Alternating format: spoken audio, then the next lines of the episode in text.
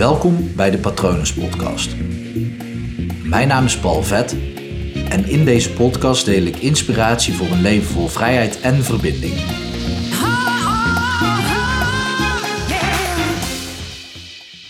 Verdriet is liefde. Ik vind het zo bijzonder dat er op verdriet nog steeds een taboe rust. Dat mensen het nog steeds awkward vinden om te huilen. Maar ik dacht daar vanochtend over na. Ik neem dit om, hoe laat is het? Uh, vijf over zes in de ochtend op. En ik stond net te douchen en ik bedacht me, ja, aan de andere kant is het ook logisch. Want uh, stel je bent op een hele serieuze bijeenkomst en je krijgt slappe lach. Je kent het wel, dat je echt zo zit van, ja, ik wil lachen, maar het mag helemaal niet. Dat gevoel. Dat je echt moeite moet doen om je gezicht in de plooi te houden. En dat gaat over controle. Het gaat, hebben, eh, het gaat over het hebben van controle over je emoties en nou ja, vooral niet op een ongepast moment beginnen te lachen. Als je, als je dan bijvoorbeeld bedenkt wanneer je bij een uitvaart bent, daar worden soms ook wel grappige dingen gezegd. Je hebt overigens heel veel soorten uitvaart. Iedereen kent wel de serieuze waar iedereen alleen maar moet huilen. Daarover zo natuurlijk. Uh, maar ik ken ook uitvaart. Ik ben er ook wel eens bij één geweest waar muziek werd gespeeld. Gewoon live muziek en werd gedanst en gelachen en gehuild. En dat mocht er allemaal zijn. Eigenlijk zou het ook gek zijn dat er bij een uitvaart alleen maar gehuild zou mogen worden. En dat is precies het ding ook waar ik het over wil hebben. Want bij een uitvaart is het heel normaal om te huilen. En toch zijn er dan ook mensen die dan denken of de gedachte hebben: ja, ik wil niet de eerste zijn. En dan denk ik: wat maakt het uit dat je de eerste bent? Het gaat, ja, ik wil even terugkomen op dat stukje controle. Het gaat over het hebben van controle over je emoties. En een lach inhouden is vaak makkelijker dan een traan inhouden. Omdat een, een, ja, het wordt gezien als een negatieve emotie, verdriet. Maar de, een, de emotie verdriet is krachtiger dan de emotie van de lach. Um, ze kunnen allebei even krachtig worden, maar um, op het moment dat je je verdrietig voelt, is dat veel meer in heel je zijn aanwezig en veel langer ook dan wanneer je lacht. En daarom voelt het misschien zo dat als je moet huilen terwijl het eigenlijk een ongewenst, en ik doe het tussen haakjes of tussen aanhalingstekens, um, wanneer het een ongewenst moment is, dan, ja, dan, dan zou je dus niet mogen huilen of niet mogen lachen. Het kan natuurlijk allebei. Alleen verdriet is dan moeilijker eh, ja, weg te drukken. Dus daar worden we ook heel goed in, in het wegdrukken van verdriet. Want het is ongepast om je verdriet te tonen. Althans, zo wordt er nog door heel veel mensen gekeken naar verdriet. Terwijl ik, als ik, ik ben super blij dat ik kan huilen. Dat komt, ik ben 22 jaar lang afgestoten geweest van enige emotie niet helemaal waar, ik sla het even plat. Maar in het bijzijn van anderen kon ik in ieder geval nooit emoties tonen. De enige bij wie ik dat deed is mijn hond geweest vroeger. Ja, dat was lekker veilig natuurlijk. Uh, maar anderen zagen mij nooit huilen. Want ja, dat is niet stoer hè. Je, je bent een man. En uh, ja, huilen mag niet. Dat is natuurlijk bullshit. Want het is een emotie. En je kan sowieso niet selectief emoties blokkeren. Je kan niet selectief kiezen, ik wil niet huilen, maar wel lachen. Dat gaat niet. Dus als je een heel blij gevoel wil hebben, dan moet je jezelf ook toestaan. En ik zeg ja, moet om ook te kunnen huilen. Um, maar eigenlijk is verdriet een hele mooie emotie. Want, zoals ik aan het begin van de aflevering zei, verdriet is liefde. En dat werkt vast niet zo in je brein. Ik, uh, ik zal het eens uitzoeken. Ik heb er een boek over besteld, dus ik uh, ga je daar later meer over vertellen. Maar op het moment dat je het zo ziet, je kan alleen maar huilen om iets waar je om geeft. Of je hebt jezelf pijn gedaan. Dat kan ook vroeger zijn. Hè? Toen je als kind viel, ging je huilen en uh, hop, kusje erop en weer door. Uh, overigens is dat misschien niet altijd even handig. Want ja, je leert daardoor je kind al sterk te moeten zijn en niet te mogen huilen. Volgens mij mag je prima huilen, laat het eruit en dan is het prima. Net zoals lach. Een lach stopt ook uiteindelijk, net zoals een traan. Maar verdriet is je, je kan dat alleen maar hebben om iets waar je om geeft. Dus ofwel om jezelf, ofwel je hebt zelf verdriet, of je bent zelf gekwetst. Nou, dat is liefde voor jezelf dat je verdriet hebt. Ofwel voor een ander. Dus een overleden dierbare mag je om huilen. Maar op het moment dat een vriend of vriendin verdriet ervaart, Nou, hoe vaak ga jij meehuilen? Of wanneer je compassie hebt voor een acteur die in een film iets uh, heftigs meemaakt, ja, dan huil je om dat karakter. Omdat je, om, ja, omdat je daar liefde voor voelt, omdat je daar compassie voor voelt. Misschien is compassie dan een beter woord, maar verdriet is compassie is helemaal een wollige, wollige quote. Dus ik houd lekker op verdriet is liefde.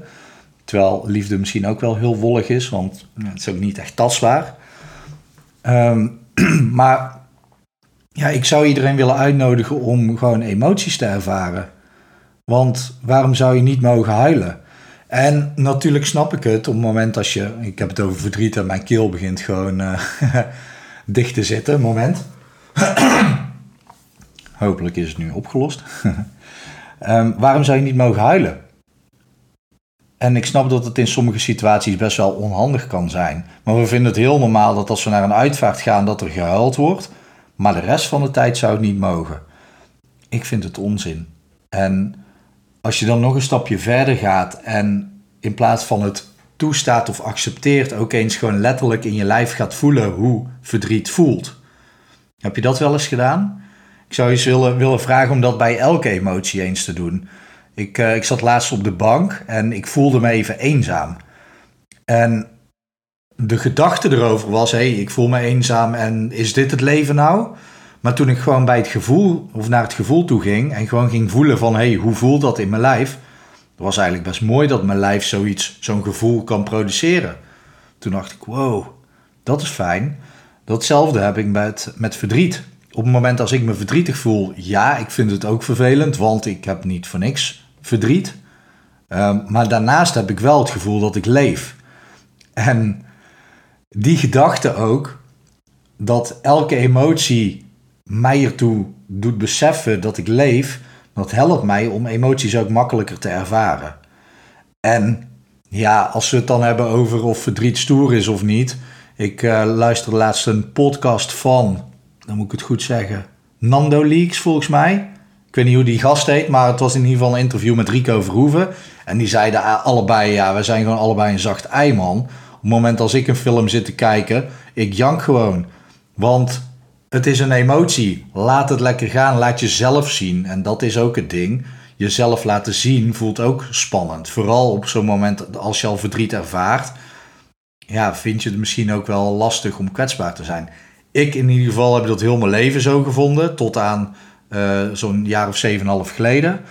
En sindsdien kan ik het veel makkelijker.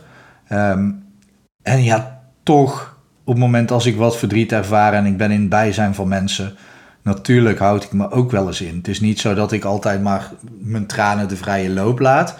Maar ik probeer het wel binnen te laten komen. En vaak ook door het gewoon te ervaren, door het doorheen te ademen. Dus op het moment dat ze verdriet op komt zetten, dan zijn we geneigd. En ik zeg we, omdat ieder, ja, dat is niks menselijks is ongewoon.